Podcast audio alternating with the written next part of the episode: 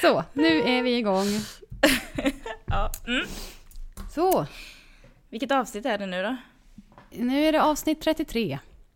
33. Ja, av På Mm. tal om djur som vanligt, Charlotte och Petra Mm. är med Har du börjat nu? Ja, Jaha, okej. Ja, det, ja, jag var inte, jag trodde, mm, nej okej. ja, vi kan börja om om du vill. Nej, nej, det är ingen fara. Vi kör, vi kör.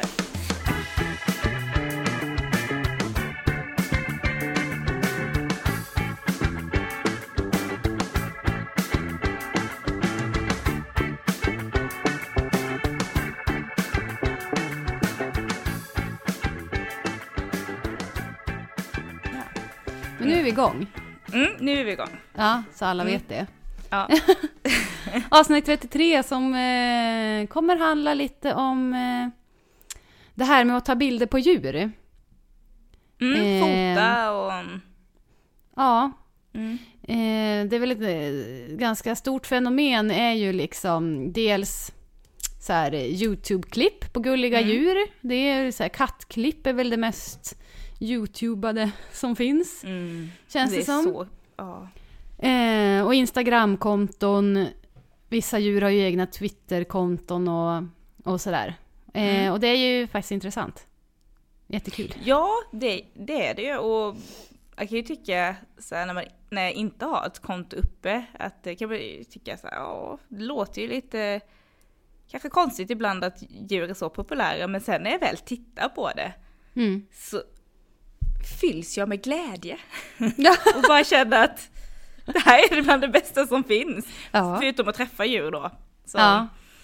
ja. Jo men ibland fastnar man ju i någon sån här uh, cirkel där man bara sitter och klickar vidare. Nästa kattklipp, nästa kattklipp. Mm. Åh, här kommer en undulat. Åh, en gullig hund. Och så bara fortsätter och så kommer det något Mm. annat gulligt djur. Liksom, man slutar liksom inte. Och jag, jag följer ju några djurkonton på Instagram. Det går Mm. liksom inte att inte göra det tycker jag. Nej, jag pratar ju med djuren ofta också. I På flödet. Instagram. Oj, Ja, ja men det är bra. Du lever dig in. Ja, det är bara, var bara jag eller? Det var inte, okej. Mm. Nej, det gör jag nog inte faktiskt. Men, Ja, men om de är förut... jätte, jättegulliga, inte till alla liksom, men om det är någon Nej. som är exceptionellt söt. Ah. Mm. Men förut, innan jag skaffade Kirro och Walter, Mm. Så kunde jag ju ta upp bilder på Floyd på telefon. och klia på bilderna. Där liksom under hakan, jag vet att han tycker det är mysigt. Kunde jag sitta där så här, så här, innan jag flyttade upp och kunde träffa Floyd lite oftare. Ja, Ja. men det på något sätt så förstår man ju att det kan ses som ett lite märkligt beteende kanske, men jag tycker ändå det ger någonting. Det blir ändå Ja. substitut för eh, att träffa det här djuret live. Precis, jag, alltså vi kan inte vara ensamma om det här. Det tror jag inte. Nej, nej, det, nej, det kan vi bara inte Nej. vara, helt enkelt. Men jag tänkte att jag kunde tipsa om några Instagramkonton i alla fall. Mm, absolut. Som är bra. Om Mm. det är folk som vill ha ja, tips på vad ni kan följa. Eh, ett av de största kontona som jag inte följer och faktiskt inte tycker är så roligt, men det ger ändå en bild Nej, på men- hur sjukt populärt Bra det är. det här var inte ett tips, jag ville bara säga. Ja, okej, så, man kan liksom, så man kan få liksom perspektiv på hur stora de här Instagramkontona kan vara. Det är ju Grumpy Cat. Mm, Den här katten som bara sitter och ser sur ut. mm. Och så har det gjorts, ja, han har väl varit med i filmer och allt möjligt. Det är ju en Hur många riktig följare har kändis. han? 2,4 miljoner följare på Instagram. Det är sjukt. Ja, det är så ni fattar sjukt. ju liksom. Mm. Eh, men det är inte det kontot jag tänker tipsa om. Eh, utan eh, vi har ju pratat många gånger om Kitten Lady. Mm. Eh, och henne går ju att följa på Instagram. Kitten X Lady heter hon där. Mm. Eh, och det handlar ju om, det är ju hon, Hanna Shaw, antar jag att man uttalar hennes namn, som är professionell kattunge, räddare och eh, human educator. Alltså, ja, hon utbildar väl folk i att rädda och ta hand om ja, ensamma djur. Mm. Fra- Hon är ju inriktad på katter, kattungar. Och där får Eh. man se många söta både klipp och bilder. Och hon räddar ju liksom alla kattungar, det spelar ingen roll om de är skadade eller inte Nej. eller så, utan hon tar sig ju an Någon gång alla. åkte hon ju till Sydamerika för att rädda en ett kattunge. Ja. ja, hon är Det verkligen hängiven. Och hon Mm. räddade sin första kattunge för nio år sedan och sen har det liksom bara fortsatt. Eh, Och ja, den kändaste, eller vad man ska säga, av hennes kattungar som hon har räddat, det är ju Chloe. Mm. Som både du och jag följde. Ja. Chloe var ju eh, en liten röd katt som, hon var förlamad i bakdelen av kroppen. Mm. Eh, men kämpar ju på och hon gav ju aldrig upp heller, hon Hanna. Nej, och Utan- nu kan man ju följa eh, Chloes egna konto. Som eh, hennes nya ägare då har. Mm. Ja men ni ser, Eh, det finns det ja, går ju, ja. Mm. mycket väl värt. Eh, sen har vi ju ett konto som heter Juniper Fox. Mhm. Eh, har väl sådär en två och en halv miljoner följare. Och då handlar det då om eh, Juniper och Fig som är två nordamerikanska rödrävar. Eh, som är räddade ur fångenskap från pälsfarmar. Mhm. Så de bor hos en tjej som heter Jessica Cooker. Okej. Eh, och ja, man får ju följa med i deras liv, hur det är att ha rävar överhuvudtaget. Och det är extremt fina bilder på, nära bilder på de här två rävarna. Och Figg, han har ett skadat öga också, så han är extra, han har lite extra speciellt utseende, jättefin. Mm. Eh, det kan jag tipsa om, mycket bra. Eh, vill man ha lite mer glammigt, då kan man gå in och följa Choupettes Diary. Och Choupette är ju modeskaparen Karl Lagerfelds katt. Som har Okej. eh, ett väldigt glammigt kattliv. Har bland annat två stycken maids som tar hand om den här katten och håller pälsen fin och ja, ni förstår vilket lyxliv denna katt har. Det är lite, olit, lite olika inriktningar på de här djurens konton. Ja, det är det absolut. Mm. Ehm, hon har ett eget Twitterkonto också, den här katten. Mm. Säger säkert massa visdomsord, ingen aning för det har jag inte tittat på. Men i alla fall, Karl Lagerfeld tog över den här katten i alla fall. Från eh, någon modell som hette Baptiste Giabiccioni, kanske man säger.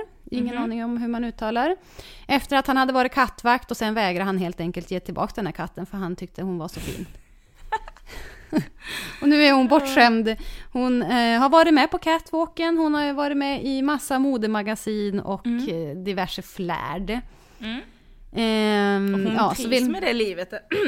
Hon trivs med det livet eller? det ser så ut. Mm. Eh, ja. Det, ja. Hon ser inte ut att vantrivas på något sätt i alla fall, men det kan man ju inte veta. Men i alla fall. Nej. Där har vi det flärdiga, flådiga, fina eh, Instakontot. Sen kan man följa Loki, the Wolf Dog. Och det är en Mhm. hund som ser ut som en, rä- en räv, tänkte jag säga, en varg. Mm. Eh, som följer med sin husse som heter Kelly Lund. Eh, på äventyr i bergen i Colorado. Mhm. Ehm, och det är, alltså, det är jätte, jättefina bilder på den här hunden och natur naturen. där också. Ja, Ja. jättefin. Och så den här hunden som är så här majestätisk och varglik. Mm. Passar så bra in. Jättefina bilder. Men det ser det ut lite som en wolf? Ja, Alltså hunden? ja det skulle jag vilja säga. Tänk så här Game of Thrones, deras Åh. stora varghundar där. Mm. Eh, och ja, mycket. Och så till sist så har vi Hamlet the Beach Hog. Som är en gris, en liten gris som är Mm. jättesöt. Som eh, tillhör Megan Peabody. Eh, jag vet inte om det är hennes riktiga efternamn, men eh, ja, hon heter så i alla fall. Mm. Och eh, hon har ju med honom som ett sånt här typ av terapidjur när hon ska flyga. För Att hon har eh, jätteflygrädsla, superångest när hon ska flyga och då har hon med sig den här lilla Ja, Hamlet. men vad smart. Mm. Ja, så då får man ju se honom då åka på resor och Mm. ja, liksom hänga i cockpit har han gjort och lite allt möjligt och Mm. hängt tillsammans med flygvärdinnorna och mm, värdarna. Så. Mm. Eh, är ju också Det är väldigt, kul. olika världar man får följa med på de här olika kontona. Precis. Ehm, så ja, in och kika. Det finns ju skitmycket mer konton Mm. såklart. Men de här eh, tycker jag var lite roliga i alla fall. Ja, alltså jag kom på, nu när du berättade så kom jag på att jag såg eh, ett inslag, du vet um, Lindsey Vonn, Mm, eh, alpin, eh, alpina skidåkaren. mm. Att hon eh, är ju mycket på Instagram, men det hon lägger mest tid på är inte sitt eget konto, utan hon har ett konto för sina hundar. Jaha. Så att man kan Åh. följa Lindsey, Von, Lindsey Vonns Dogs då. Von Mm. Dogs heter det kontot, jag, hittade det här. Mm. Så det är Lucy, Leo och eh, Bear Von. Mhm. Eh, we are a bunch of awesome dogs rescued by our mom, Lindsey Vonn, living the good life. så då har de ett eget eh, Instagramkonto. Så, så Ja. har ju hon sitt eget också då, men eh, och det har 37 000 följare drygt. Mm. Spännande. Så då får, det är bara på hundarna och det, om jag scrollar lite i flödet så är det ju, ja, någon leker i snön och ja, det är någon, ja, de ligger och solar sig och de badar i eh, någon flod och de badar i en pool och ja. Mm. Ha det gött. Men eh, Von tränar ser det ut som också. Mhm. Men det är liksom fokus på hundarna då, liksom. det är deras konto. Mm. Eh, så att ja, det är ju kändisar som har hakat på det här också då, verkar det som. Ja, Ja. verkligen. Mm. Eh, Jag, kanske ska, skaffa ett till Ralf och du till eh, Kiro och, och Walter. Walter. Ja, det var, jag tänkte precis säga det. Jag kanske ska börja göra ett konto till dem också. Jag Det tror är ju ändå det att ditt kommer bli mer populärt än eh, Ralfs konto. Ja, Ja, det vet man aldrig. Fast- Ralf är ganska charmig ju. men det jag. kanske hamnar mer på humorkonton. Ja, ja, det beror på vad man, vilken personlighet man tillskriver sitt, sitt husdjur. Egentligen. ja, jo. Mm. Hur man väljer att vinkla det. Men det som är svårt, det är ju att fota sina djur, tycker jag. Ja, Jag har försökt, men det, Mm. alltså, de hinner vända på De huvudet, springa därifrån. Ja, massa sånt. ja. Det är jättesvårt. Ehm, så att, ja. Jag gjorde slag i saken och åkte och träffade en djur och naturfotograf. Ja, jag heter Ove Källström och bor i Björkobruk och har hållit på med naturfotografering i ganska många år. Men eh, jag har väl varit lite inaktiv de sista två, tre åren. Men jag kanske ska ta upp det nu igen när jag har blivit pensionär och får gott om tid så att Ja, jag har utrustningen kvar så det är bara att börja igen. Och kunskapen, Ja, antar jag. Det hoppas jag. Ja, Um, det här med, det är, ja, vi har ju konstaterat det tidigare också att det är ju eh, populärt att vara ute och fota djur och sina husdjur och sådär. Och de här Youtube-klippen och sånt där. Eh, men om man, vad är liksom dina tips när man, om man ska vara ute i naturen och fota djur? Ja, ett, ett bra sätt att börja det, det är ju att börja mata fåglar.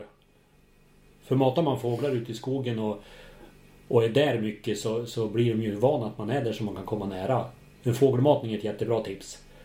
Och, och Det är ju...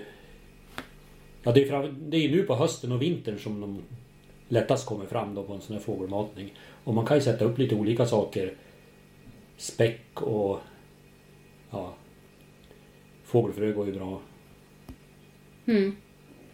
Men funkar det hem, om man är hemma och har som ett sånt här fågelbord eller Ja, en liten talgboll? ja, men jättebra.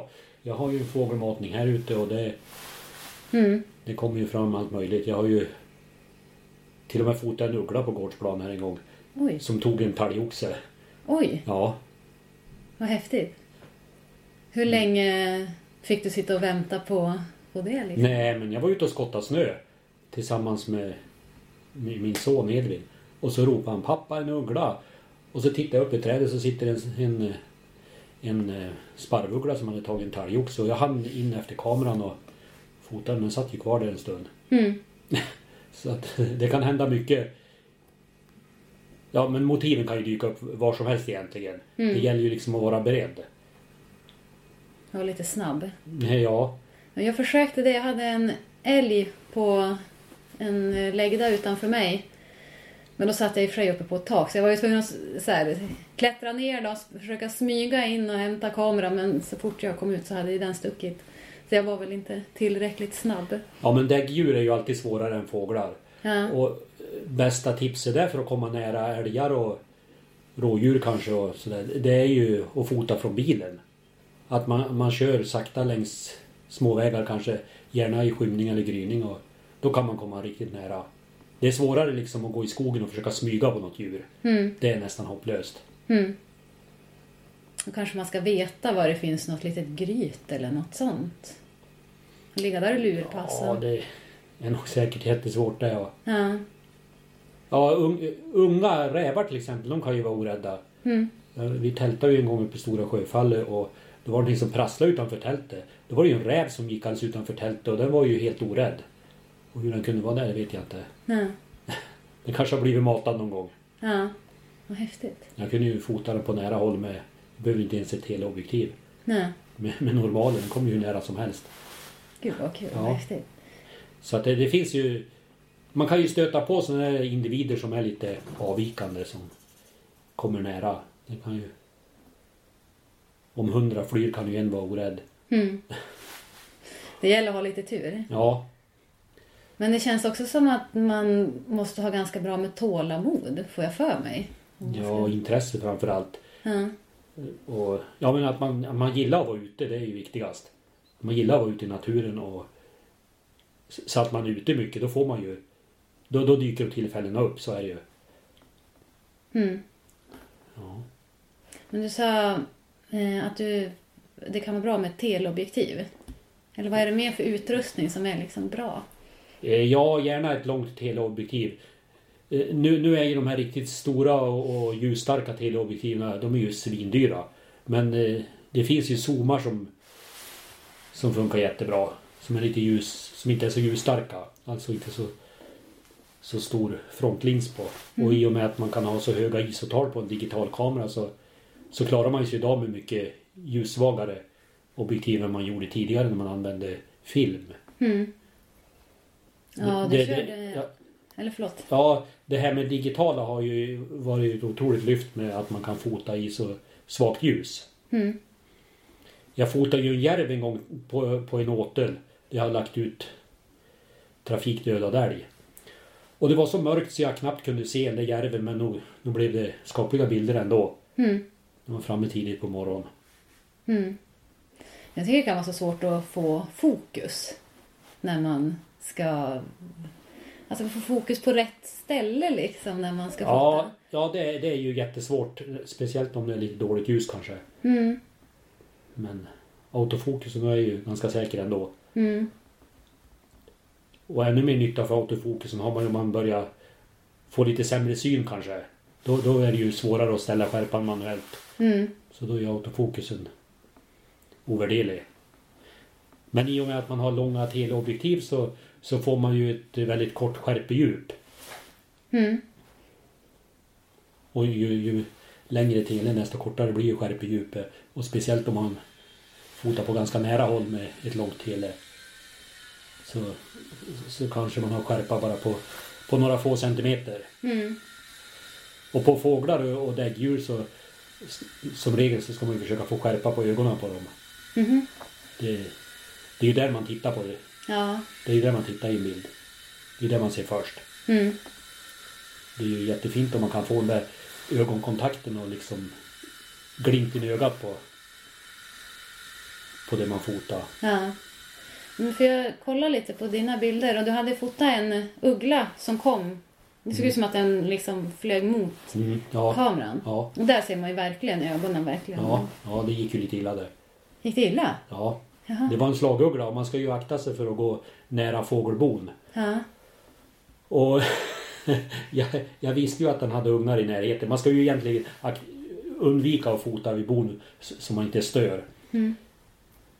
Men, men den där slagugglan hade jag gått ganska nära då vid, vid ett bo där jag visste att det fanns ungar. Och de anfaller ju. Och den kom ju och dök emot mig flera gånger men en gång så istället för att, att ducka så tittade jag upp och då träffade den mig med klon i ögat Nej. Och ögonbrynen upp i pannan så här, alltså blodet bara spruta. Ja, det kan jag tänka mig. Men Ja. gud. Och det var ju en jättehård smäll. Ja. Men annars behöver man inte vara rädd när man är ute och fota. Nej. Det är väl just kanske det med ungar och sånt Ja, där. ja. De beskyddar ju. Men, men, men det vill jag ju poängtera att man ska ju akta sig för att vara vid fågelbon och, och störa något djur. Det får man ju absolut inte göra. Mm. Man kan ju sabotera en häckning till exempel. Mm. Det, det får man ju inte göra. Nej, precis. Men vad häftigt. Du fick verkligen närkontakt med, med den här ugglan. Ja. Ja. Ja. Är, det, är det något av de här djuren som du har fotat som du liksom är extra stolt över att du lyckas få en bra bild på? ja, det har ju varit roligt de gånger jag kunnat fota björn. Jag, jag var ju uppe i fjällen i många år och uppe i Sarek och, och spana efter björnar med, med kikare och hoppas på att få se någonting men det det blev ju aldrig någonting. Men till slut så, så lyckades jag få se björn och eh, smy, smyga på dem så att jag kunde fota dem. Mm. Och då, då bästa tipset där är ju att att man är uppe i, på hösten, då går de gärna upp ovanför trädgränsen och äter blåbär. Och får man då syn på dem och, och det blåser, då, då kan man ju smyga emot vinden. Så man kommer, om, kommer inom fotohåll. Mm. Men, men det, det gäller ju liksom att ha en, en stadig motvind för att direkt de får vittring så då, då är de ju borta. Då sticker de. Mm. Men det, det, det har jag lyckats med några gånger. Det har ju varit jättespännande. Mm. Jag fotade ju en björnhona med tre ungar i Sarek en gång. Mm. Det var ju jättehäftigt. Ja, jag kan tänka mig. Du fick ingen sån här björnfrossa då? Nej, absolut inte. Nej. Nej, jag har ju märkt att, att eh, om, om vinden slår om eller sådär så att, att de får vittring på en då, då är de ju borta direkt. Mm. Då sticker de direkt. Då. Det är ganska liten chans att de skulle gå till anfall. Ja, jag har den känslan i alla fall. Mm. Är det det som är liksom fas, vad säger man, fascinas, jag kan inte säga det, fascinationen med att vara ute i naturen och fota djur? Att man en, alltså får en känsla av att vara så nära dem? Ja, det, det är ju mycket för upplevelsen. Det är ju... Ja, Mm. det är ju oförglömligt när man kommer nära något stort djur sådär. Mm.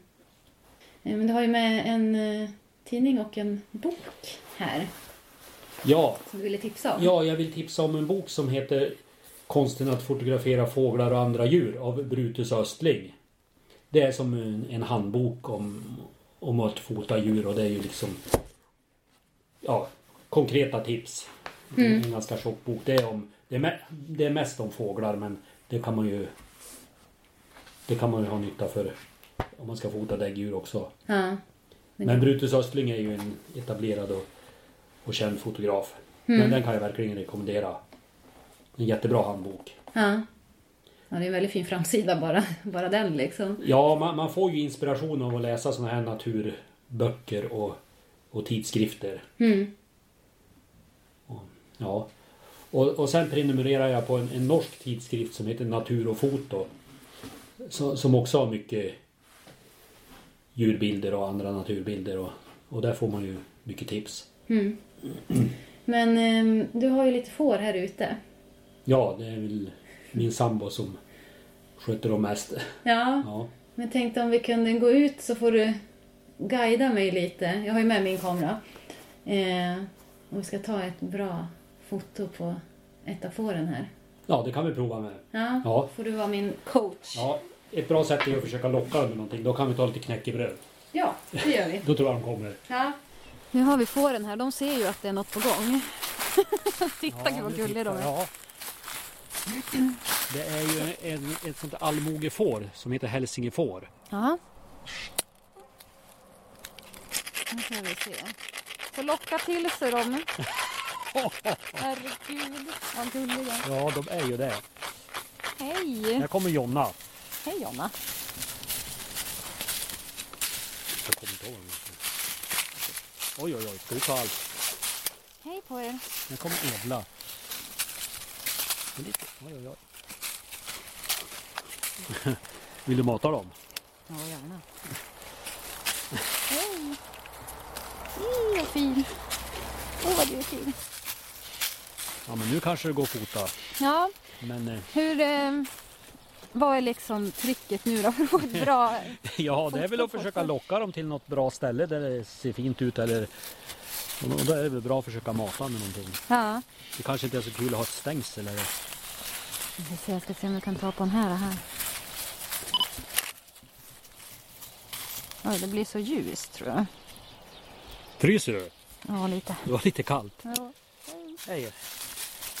Upp, upp, upp.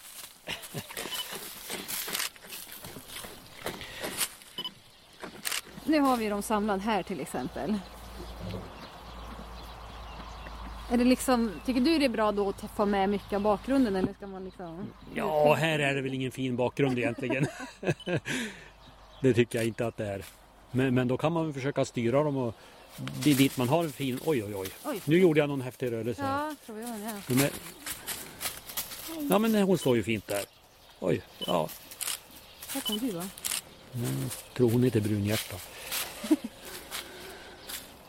Om vi tittar på några av de här bilderna nu då. Nu se.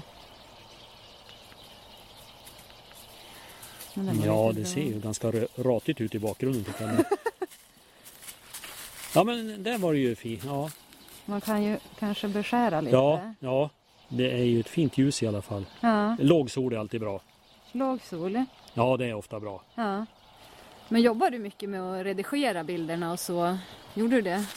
Ja, liksom, jag, jag vill inte att det ska bli liksom överredigerat så att det, det syns att man har grejer med bilden. Jag vill nog att den ska se, se naturlig ut. Ja. In, inte nå Ja men en, en del kan ju liksom dra till så våldsamt så att det...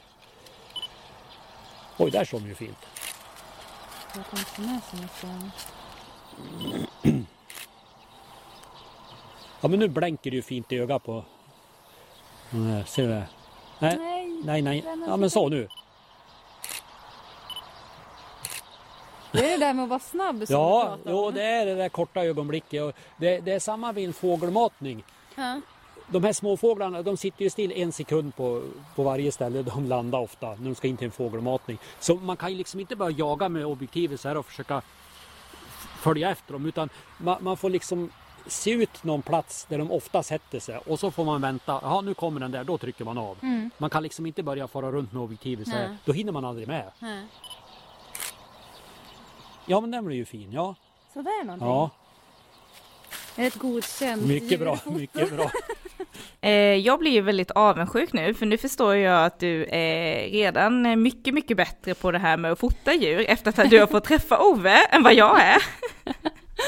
Alltså, han, För du ja, jag fick ju fick ju förmånen att vara med Ove, liksom, hänga med honom och liksom, ja.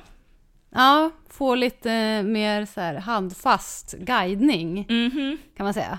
Mm. Eh, ja men det var jättekul, det var jättebra. Och Den var jättefina får som vi matade och Mm. Ja, som jag försökte fota då. Mm. Eh, jag kan ju säga det att på Instagram eh, kommer vi lägga ut en bild på den här ugglan som Ove pratar om i inslaget. Och så kan ni ju jämföra då den proffsbilden med min fårbild. får. ja, så får vi se vem som eh, Ja. ja, var bäst. Jag kan säga att Oves bild är bäst, men ni kan ju få ändå ja, Men kände kika. du att du ändå, liksom Petra, innan du träffade Ove och fick liksom lite guide coachning av honom, jämfört med Petra efter du träffade Ove, Mm. är du ändå, är det någon skillnad där? Blev du lite bättre känner du? Ja, men faktiskt, eh, jo, det tycker jag.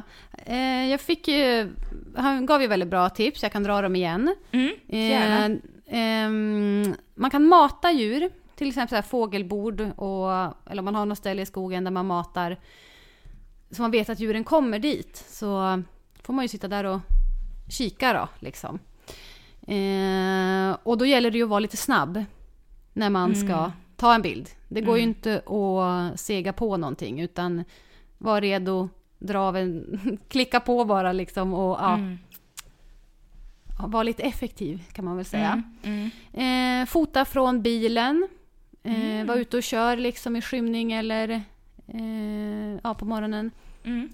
Liksom, för det kan vara svårt att komma nära däggdjur eh, ja, ute i det vilda. Mm. Eh, lågt, eh, eller låg sol ger fint ljus. Ja.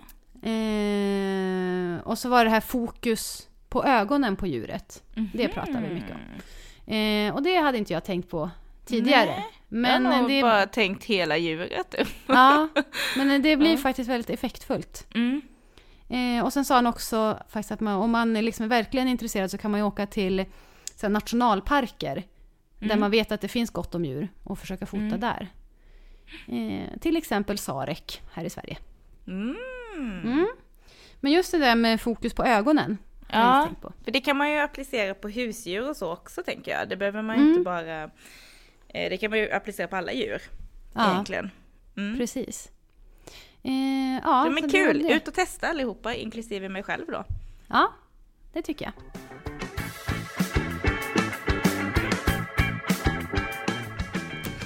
Då är det äntligen dags!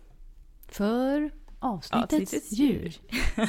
Det är lite roligt att det är en fågel ändå eftersom fåglar, vi pratade med Ove väldigt mycket om att fota fåglar. Ja. Hade han Eh, så- fotat någon havsörn någon gång? Frågade du honom det? Eh, nej, det gjorde jag inte, men det har han säkert. Ja. Han eh, jobbar ju faktiskt en- med att eh, ringmärka fåglar och framförallt örnar och kungsörnar. Så att han har ju Mm, det han garanterat är. säkert. Det har Ja. han säkert. Men, Du var ju lite kaxig förra veckan Petra och sa att du trodde du hade sett den. ja, Ja, jag vet Precis. fortfarande inte om eh, det är så att du har sett en havsörn. Du får, mm, jag- ska beskriva lite här så får du se Mm. sen om det kanske var det eller inte. Mm. Men eh, när det första jag började läsa om havsörnen då var det ju väldigt mycket så här, det är mycket stor örn och ja sådär. Så jag blev ju Mhm. direkt väldigt imponerad, bara det är en jävligt stor örn liksom, det är ju coolt. Så då läste jag mer och det stod mer om storleken på den här örnen och jag blev bara mer och mer imponerad. Och så, ja, jag tänker det är lika bra att vi börjar där. Ja. Med storleken. ja. Så okej, det är så här då. Havsörnen, det är Sveriges största rovfågel. Också Nordeuropas största rovfågel. Alltså, Oj. du hör. Är du imponerad Mats? Mhm, Mhm. det var jag med. Ja. Mm. eh, och vad betyder det då? Jo, det betyder en vingbredd som kan bli uppemot, uppemot jag kan inte snacka för jag blir så till mig hur stor den är. Vänta lite. Ving, en vingbredd snackar vi om som blir uppemot 2,5 meter. Nej men sluta! Mhm. Mhm. Oj! Och den här fågeln väger då mellan 4 till 7 kilo. Oj! Kroppen är mellan 80 centimeter upp till en meter. Nej men shit. Men vilka vingar! Ja, och ännu en coolhetsfaktor tycker jag som feminist då. Honan är normalt lite större än hanen. Amen. Se där! Power! ja, så, Okej. ja, vi kan ju konstatera att det, det är fan en stor fågel alltså. Ja, Det är en riktigt stor verkligen. fågel. Så nu har vi liksom sjukt. börjat med att avklara detta, men alltså två, ja, det är så Men långt. det fattar man ju Ja. inte nästan. Nej, man kan inte förstå det på något sätt. I Sverige då så finns havsörnen eh, längs hela Östersjökusten, eh, vid Syd och Mellansveriges sjöar och även i Lappland. Så ja, ja väldigt stora delar av Sverige som eh, Mm. den faktiskt eh, lever i. Och om man tittar då utanför Sveriges gränser så finns den ju i Europa och Asien, eh, eller i alla fall delar av Europa och Asien kan man säga. Eh, och den är jättebra på att segelflyga. Och den kan också eh, stiga alltså, fler, alltså ett par tusen meter i höjd. Så att Oj. den nästan försvinner för det mänskliga ögat. Så först tänkte jag så här, om den nu finns över nästan hela Sverige, varför har jag kanske inte sett någon? Mm. Kanske för att den är så högt upp då, jag vet Ja. inte. Ehm, eh, och vingarna, de är liksom eh, rektangulära med spretande handpennor. Jag vet inte vad det är. Nej, Det stod det på den hemsidan jag kollade. Men ja, lite spretande så. Och stjärten är kort och trekantig. Eh, Mhm. Men hos ungarna så är stjärten lite längre. Näbben Mhm. är kraftig, riktigt kraftig och halsen är lång. Mm. Okej. Men vilken färg den här havsörnen då har, det beror på lite hur gammal den är. Så man får hålla utkik efter lite olika färger. Eh, när de är unga så har de svart näbb, lite mörkare huvud och eh, mestadels mörk stjärt.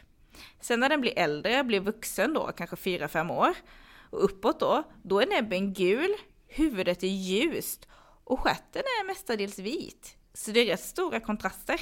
Ja, verkligen. Beroende då på ålder. Ja. Um, ja, hur den lever lite mer då, som vi har avklarat så är den ju väldigt stor, havsörnen. Så den jagar också över väldigt stora områden. Det kan vara milsvida områden som den har som eh, sina jaktmarker. Eh, och då jagar den mycket fisk och fågel på sommaren. Och på vintern, det är också fåglar då som gäller, men då kan den också äta döda djur, så det blir lite asätare då också. Det kanske blir Mm. lite svårare med fisk och så på vintern. I sällsynta fall så kan den fånga harar, mink eh, och vattensork. Eh, och inte sällan stjäl den mat från andra fåglar. Men jag Oj. menar, är du typ störst? Ja, det är väl bara att klampa bara in och ta. ta. Alltså jag hade ju inte liksom om jag var en mindre örn bara, det är min mat. Jag har inte vågat liksom. Inte vara så kaxig då. ja. Ehm, och den äter, behöver äta väldigt mycket då. Då ska vi se här. Man beräknar att en havsörn behöver äta ungefär 600 gram fiskkött per dag eller 350 gram fågel eller däggdjurskött. Och varför den äter, behöver äta mer fiskkött om den äter fisk är ju för att det är, eh, det är ju mindre energi i den då. Mm. Så ja, det är ju... Men det är klart, det är en stor fågel, så det fattar man ju på ett sätt liksom. Ja, men precis. Och, det, Ja. och flaxa med de där vingarna lär ju ta ganska mycket energi av en. Ja, men precis. Ehm, ja, och så står det lite om jaktmetoderna, att den kan vara snabba överrumplings rumplingsattacker, det kan vara envisa förföljelse av fågelbyten, men det kan också vara sådär att bekvämt promenera på marken i lite grundare fiskvatten. Mhm. Eh, så att eh, den är ju mångsidig så sett. Eh, och eh, örnen kan då hitta sina byten ofta genom att sitta still och spana då i väntan på att ett tänkbart byte ska dyka upp. Så lite tålmodig och så också. Men sen går den ju snabbt till attack då. Så att, ja, men rovdjur är väl ofta så att de ligger och spanar länge och sen när den verkligen attackerar så behöver de vara Mm. liksom, ja, Ja, men precis. Det känns ju bekant. Mm. Ehm, så ja, det är lite, den kan ju också så här eh, göra dykningar och hugga tag i fi- fiskar och sådär. Som ja, man kan se djur göra. De bor eh, högt upp i träd där de bygger sina bon. Och då får de ju såklart bygga stora bon för att de är stora liksom. Så ett eh, havsörnspar de håller ihop livet ut. Och eh, då kan de ha ett bo som de använder år efter år och då liksom bygger de på det boet också. Så det, det behöver ju vara minst en meter i diameter. Men sen så hur hög, höga kanterna så blir det liksom förändras för de förbättrar och de bygger på då eftersom de kan ha det år efter år. Mm. Ja, de bygger ut liksom. Ja. Renoverar lite och... Mm, håller lite koll sådär liksom. Mm. Ehm, och när det kommer till fortplantning så eh, eh, lägger honan oftast kanske två ägg. Det kan vara ett, det kan vara tre. Och det gör hon eh, februari till april. Och då är äggen lite smutsvita stod det. Mhm. Eh, och hon lägger dem inte samtidigt utan hon lägger dem med några dagars eh, mellanrum då. Och så eh, är det oftast honan som ruvar. Så jag antar att det finns lite papparoll i detta också för att eh, det är väl han då som ruvar när hon inte gör det. Det stod inte specifikt men Nej, I man kan ju guess tänka so sig det. liksom. Eller hur? Ja, men eh, det känns ju rimligt. Eh, Det, det känns rimligt att tro, jag tycker också det. Men efter 38 dygn ungefär så kläcks eh, äggen och eftersom de då är liksom, eftersom hon lägger äggen vid olika tidpunkter så kläcks de inte samtidigt heller utan de kläcks med några dagars mellanrum också. Vilket då gör att den ungen som kläcks först har ju lite försprång. Så om det är brist på föda eller sådär så är det ju ofta den första ungen då som klarar sig. Mm. Eh, för att, eh, ja, man har lite sådär fördel av det såklart. Längre tid på sig att upp sig och så. Eh, och ungarna de lämnar sen boet när de är ungefär 11 veckor gamla. Sådär. Mhm. Och då Ganska undrar, fort ändå. ja, alltså det känns som att ehm, både det här liksom 38 dygn ruvar man och sen 11 veckor gamla, det, ja, det känns ju rätt så snabbt ändå tycker jag. Ja, jag får för mig det i alla fall. Ja. Men då undrar man ju vad finns det för hot då mot det här stora magnifika djuret? Kan man ju undra. Ja, För de är ju högst i näringskedjan, i sin näringskedja, alltså sin jag tänker att det är liksom. såna här äh, vindkraftverk och sånt. Mm, det, ja, det, ja, Är det det? ja, men det skulle kunna alltså det står faktiskt inte det specifikt, men det står bland annat miljögifter då. Eh, som då kan bland annat få negativ inverkan på fortplantningen. Eh, och sen är det kollisioner. Så det är många havsörnar som dör i kollisioner med tåg och kraftledningar står det. Men jag tänker att det är rätt nära vindkraft och så. Ja, ja. Ja. Ehm, och eh, sen så är det ju också ett hot då eh, med marker och så att eh, det minskar, deras häckningsområden min, minskar. Och eh, också att om du tänker dig att boet var en meter minst i diameter och så bygger man på det, de blir ju väldigt tunga så de behöver ju gamla starka träd som liksom orkar bygga, liksom bära upp de här tunga borna. Och den typen av träd, att det börjar bli brist på dem, det blir också ett hot. Ja, mot ja man dem då. skövlar väl och ja, gör timmer De kan ju inte ha något liksom så här 50, gammal, 50 år gammalt träd. Det tänker jag, det blir väl för svagt för dem liksom, för de vill vara Men det högt behöva upp vara ja, ett rejält, massivt träd. Ja. Och det är ju Låter värdefullt i skogsindustrin så att Ja men precis. de ryker väl. Ja, och nu låtsas jag ju som att jag vet liksom hur stort ett träd är vid 50 år, men det är väl inte jättestort ändå. Jag är ingen expert, men jag kan tänka mig att de behöver väldigt liksom stora, det står ju så här att de behöver starka gamla träd, och 50 år trä, gammalt träd är ju inte gammalt liksom. Så att, Nej, det kanske ska vara ännu större. ja, Ja, precis. svårt att säga, det beror kanske på vad det är för träd också. Ja, ja Ingen men jag har i alla fall kollat upp hur gammal själva havsörnen blir. Ja, Jag är kanske inte så sagt inte expert på trädens ålder och storlek, men eh, ja, havsörnar de lever i snitt kanske 15 år i de vilda, i det Mm. vilda. Men eh, de kan då i sällsynta fall bli över 30 år gammal. Och i Oj. fångenskap så, ja, 40 år har man sett då också. men gud. Det är en bra ålder. Och visst, det finns ju mer faror såklart i, i det vilda då. Det är väl kanske då att de eh, kolliderar med något och så sjunker Mm. då liksom medellivslängden. Mm. Eh, men de har ju då under bra förutsättningar har de ju kapacitet att leva länge, tänker jag. Ja. Mm.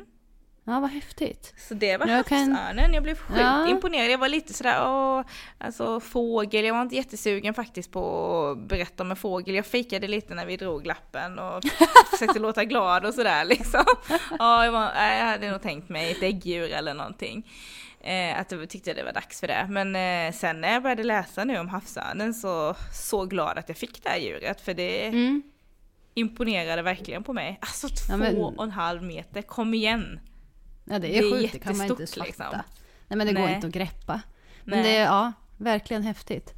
Trodde du kan var ju- en havsörn du såg nu? När du vet så jag att den är så vet stor. inte. Alltså, jag såg den från bilen och den liksom seglade ovanför träden en bit bort. Mm. Den var typ lite brun i kroppen, vit, vitt nere vid fötterna, eller vid klorna. Mm. Så här, vita ben. Mm. Och jag tror Ja, det att den hade vitt det. huvud. Mm. Ja, kanske är jag. We will never know, men kanske var det Nej. det. Mm. Jag, jag, jag hoppas att det var det. Mm. Ska du dra en lapp nu då? Ja, nu är det min tur. Mm. Nähä. Där har vi något. Vad sticker från mig? Alltså jag har vikt de här så smått. jag ser det. Det här är ett djur som jag inte har någon aning om vad det är. Ja, vad är det då? Jag vet inte om du ser. Tukan. Tukan. En, en, jag skulle säga fågel igen, men jag, blev, jag vet inte. Jag blir Är det det? Nej, jag blir jätte, jätteosäker. Tukan. Eller så tänker du på pelikan. Nej, det gör jag inte. Nähä. Tukan. Kan... Nej, jag kan ha så fel. Jag kanske får skämmas över det här nästa vecka sen. Ja, vi När får du se. berättar vad det faktiskt är. Det är Ja. jättespännande. Ja, men det blir kul med sånt där djur som man ja, inte har någon som helst koll på. Ja. Spännande. Ja, Ja. men eh, då får vi hålla till godo då så får vi reda på mer om det här nästa avsnitt. Yes. Det blir bra. Ja, hej då! Hej då!